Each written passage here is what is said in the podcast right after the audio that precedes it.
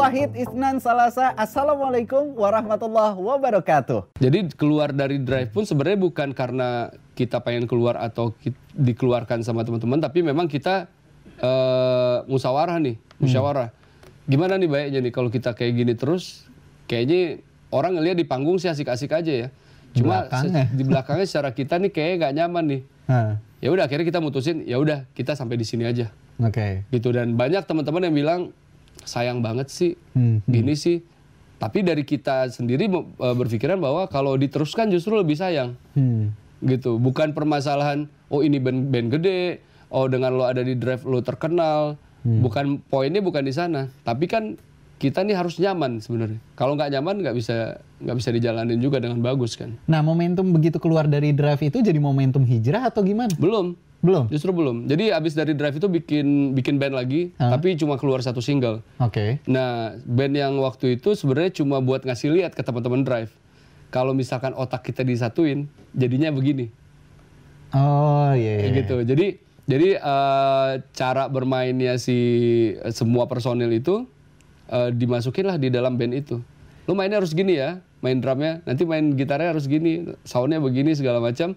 Nah, terus barulah anak masukin eh, yang anaknya di dalam situ. Nah, jadinya itu kalau digabungin. Idealisnya masuk ke situ ibaratnya. Mm, jadi dua-dua dua-dua kepala ini bisa bisa masuk. Kalau misalkan waktu itu di drive nyambung ya, Ha, dua kepala ini jadinya seperti band yang setelah drive ini namanya Fuse. Oke. Nah, terus emang anak-anak Fuse ini juga rata-rata kan mereka main-main reguler jadi waktunya mereka Susah. susah. Hah. Nah, setelah itu barulah diputuskan untuk solo karir Hmm. sampai sekarang. Nah, pada saat solo karir itu berarti mulai hijrahnya. eh dua tahun setelah itu ya, Dua tahun setelah Dua itu tahun setelah baru mulai hijrah. baru mulai hijrah. Apa yang men-trigger untuk hijrah? Gara-gara ngelihat di sosmed udah banyak atau No, gimana? no, no, bukan, bukan. Jadi kita ini tipikal orang yang eh, agak bebel ya sebenarnya. Hmm. Siapa juga ngasih tahu mau ustadz kayak ngasih tahu mau Habib kayak kagak ngaruh. Bodo Bo- amat. Bodo amat. Nah ini bodo amat yang nggak terge- nggak terkendali nih. Ini dia nih. Ini. Jadi sampai kita nanya ngapain sih tuh orang sama sama tuh ustadz cium tangan bolak-balik apa sih kok? Iya, iya, iya. lu cium tangan mama lu kita ngomong kayak gitu dulu Iya, tuh. iya, iya. Sekarang kita yang cium tangan. Bahasa kasarnya kejilat ludah sendiri. Ngejilat ya. ludah sendiri gitu. Jadi jadi eh, ada satu momen di mana waktu itu tiba-tiba banyak sekali orang-orang yang soleh mendatangi kita waktu itu. Oke. Gitu, mendatangi Tak terduga nih. Tak terduga. Jadi eh, tapi tidak tidak berbarengan waktunya. Iya. Jadi misalkan lagi makan siang nih di dekat kampus Antum nih, Hmm. ya kan?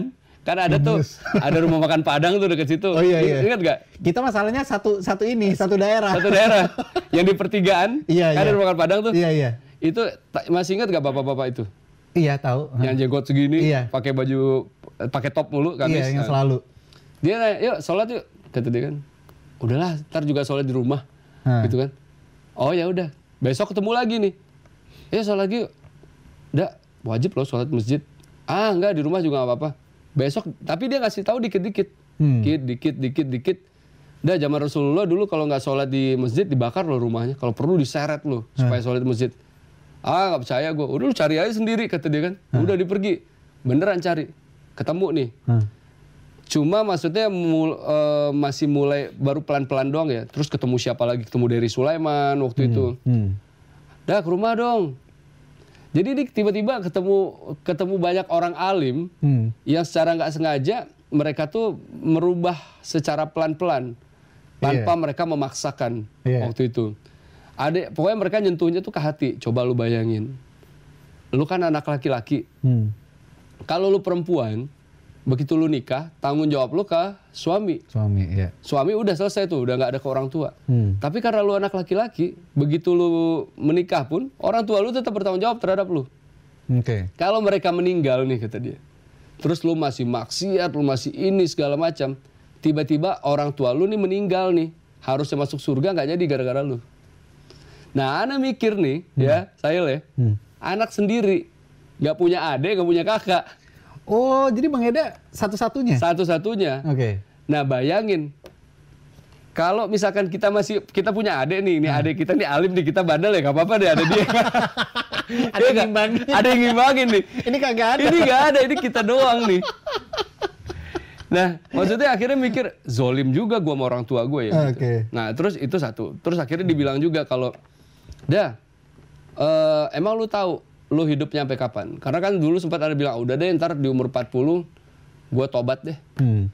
Gue pengen, masih pengen senang-senang nih, gitu. Kan kata orang life begin at 40, Yes. gitu. Jadi ntar umur 40 aja gue baru tobat deh, gitu. Ah. Tapi pertanyaannya, lu yakin lu hidup sama umur Nyampe 40? nggak? Nyampe nggak kata dia? Pertanyaannya adalah, banyak gak teman-teman lu yang udah mati? Kata dia. Ah. Bahasanya udah gitu aja, bukan meninggal. ngomong, Banyak kan teman lu yang udah mati? Banyak sih. Teman-teman kuliah lu banyak. Matinya kenapa? OD, Hmm. ada yang HIV, Hmm. ada yang oh macam-macam deh.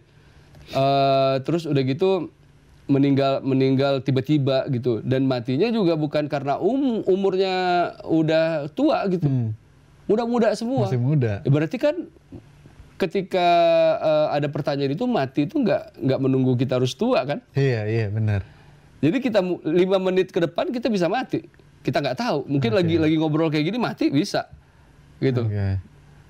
Itu cukup seram juga waktu itu pas dibilangin kayak gitu. Hmm, hmm. Ya bener juga ya. Udah rubah deh. Nah terus ada diper- dikasih pertanyaan lagi. Seumur hidup lo, kalau misalkan dari awal lo bikin dosa Hmm. sampai sekarang, kira-kira udah berapa banyak? Dia bilang kan. Wah. Wah, kayaknya sih mungkin kalau di bisa di, ditaruh di seluruh bumi ini mungkin berlebih-lebih kali kayak gitu. Nah pertanyaannya, eh, anggap deh lu dikasih kesempatan hidup lima tahun ke depan, misalnya gitu. Hmm. Menurut lu, tanpa lu bertobat, terus tanpa lu berdakwah, ini akan bisa nggak eh, ketutup nih? Walaupun sebenarnya dosa-dosanya Iya, itu. Walaupun sebenarnya memang Allah kan maha penyayang ya. Hmm. Maksudnya ketika kita eh, benar-benar tobat, ya pasti dosanya itu akan diampuni. Diampunin ya. Cuma kan kita nggak tahu diampuni apa enggak aja kan. Iya, iya, iya. Gitu. Nah. Dan waktu itu dia bilang salah satu alas, salah satu eh, apa namanya hal yang paling penting itu untuk untuk eh, menutupi itu semua adalah lo berdakwah. Hmm. Bukan cuma lo lo perbaiki sholat lo segala macam, tapi lo harus berdakwah. Hmm. Caranya gimana? Ya dakwah kan lo nggak harus selalu ngomongin agama, dia bilang. Hmm. Ketika lo ngomong itu eh, apa namanya? Itu ada sampah di situ, tolong lo taruh di tong sampah, jangan buang di sana. Itu udah dakwah. Oke. Itu dakwah kan artinya mengajak, Iya. mengajak ke hal-hal yang baik, Ah. mengajak ke hal-hal yang positif. Balik lagi kayak yang tadi, Ah, ah. gitu. Kayak yang di Bigo Kayak yang ya? di Bigo nih, gitu. Oh, enggak. Nah. Jadi berdakwah nih sekarang ya. Iya, jadi kan maksudnya orang kan suka mengartikan berdakwah itu hanya buat ustadz, Iya. hanya ngomongin masalah agama. Tapi tanpa tanpa disadari ketika kita ngomong hal-hal yang baik kepada orang pun kan sebenarnya itu dakwah. Hmm, hmm, hmm. Ya balik lagi ke tadi, dakwah itu artinya apa? Ngajak, mengajak ke arah kebaikan, Hmm. gitu. Nah, jadi akhirnya mikirnya boleh juga ya, gitu. Nah, terus dia bilang, tapi lo harus ingat, dakwah ini bukan buat orang lain, buat diri lo sendiri. Jadi kita harus melakukan juga. Kita harus ngelakuin juga, Oke. gitu. Nah, jadi makanya semenjak itu mulai dirubah deh satu persatu. Mulai Hmm. dari dari eh, bikin lagu pun begitu. Tahun berapa sih itu? 2014 ya, 2014. ya? 2014. Jadi udah jalan 6 tahun dong ya sekarang ya. Alhamdulillah sudah enam tahun. 6 tahun. Gak kerasa. Ini cukup cukup eh, konsisten juga berarti ya. Konsisten. Istiqomah ya insya Allah ya. Insya Allah. Walaupun sebenarnya kan yang yang namanya iman pasti naik turun naik turun. Iya, cuma ini pasti. berawal dari nasi padang. Dari nasi. Padang. Nasi padang rawa belum. yang main hijrah. Awalnya bisa datang ke sana Eh, mungkin ya. Harusnya nasi kebuli ya. Itu jatah gua bro. Oh iya iya. Kalau nasi kebuli. Tapi selama menjalani proses hijrah ini, Ah, ah. kan orang pasti hidup ada pahit ada manis. Ada. Iya kan? Apa yang dirasakan pahitnya ketika menjalani proses hijrah? Em, gini apa namanya kalau kalau misalkan di awal-awal waktu itu Hmm. itu udah pasti udah pasti ada misalkan kayak zaman dulu itu kan kita panggungan apa aja kita terima ya Iya. gitu. Nah ini pas banget pas waktu awal-awal ada sekitar 20 titik 20 titik Solo panggung- karir nih ya. Iya, ini solo karir. 20 titik panggungan. Panggungan ini eh, sponsornya minuman, Minuman, keras. oke. Minuman keras Nah. gitu.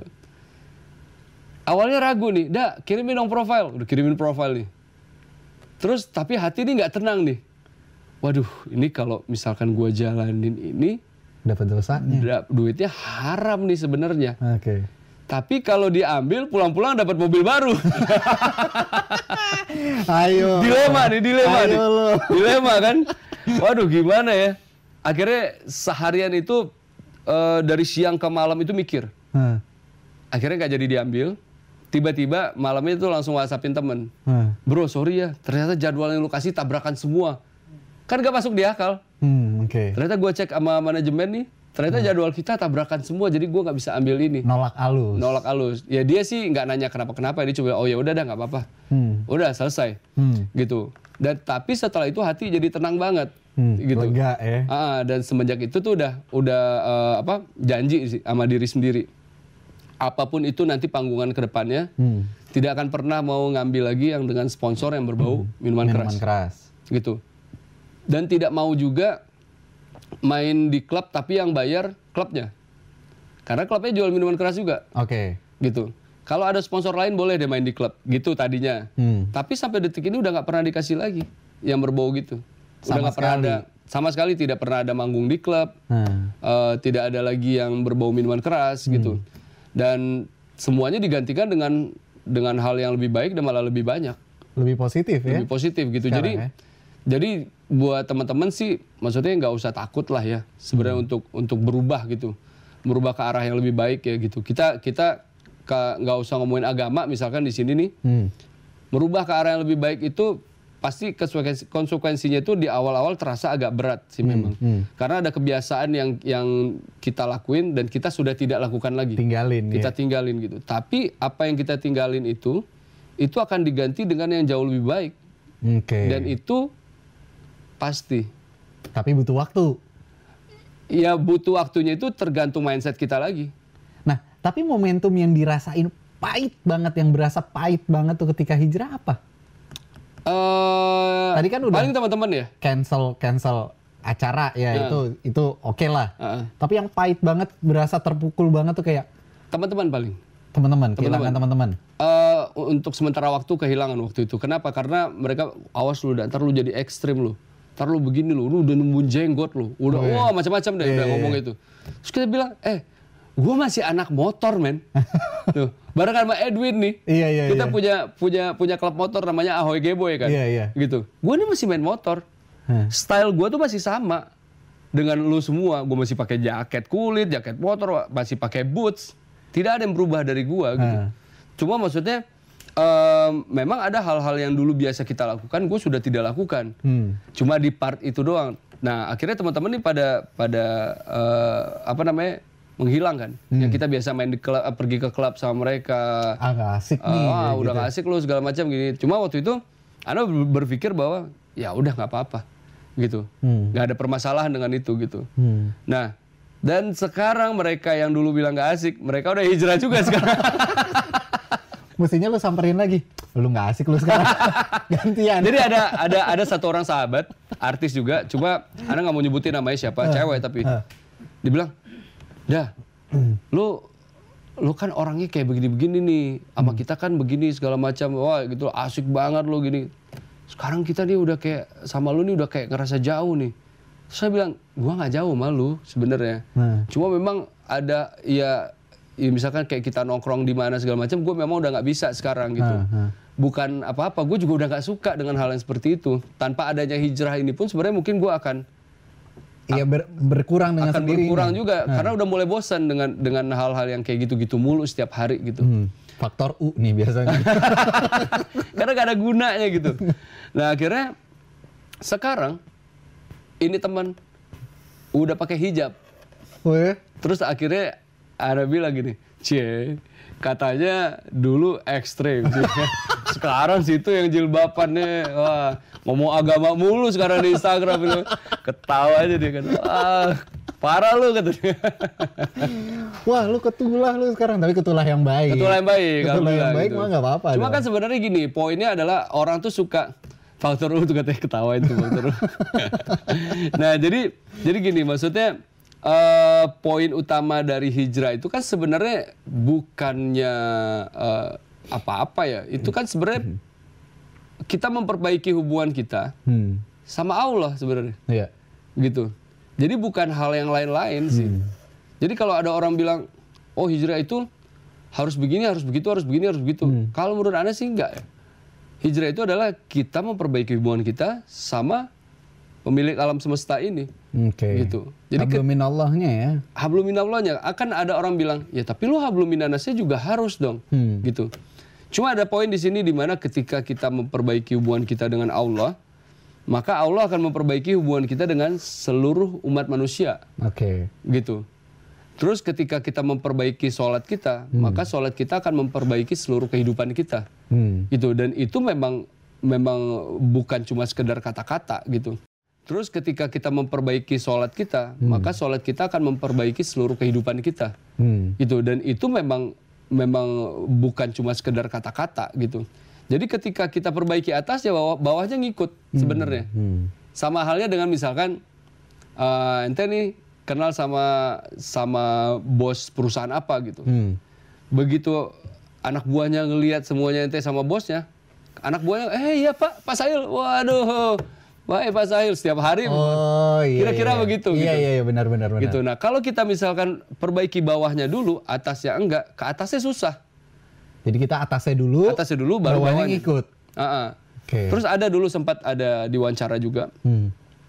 Eh, pertanyaannya gini waktu itu. Dah, ketika orang hijrah, pasti teman-temannya juga berubah. Hmm. Kata dia kan. Hmm. Oh iya, pasti. Pasti kan ada tuh berkumpullah dengan orang-orang yang soleh kan. Iya. Iya, tapi itu bukan untuk selamanya begitu dia bilang. Untuk sementara waktu iya. Kita berteman dengan orang-orang yang soleh.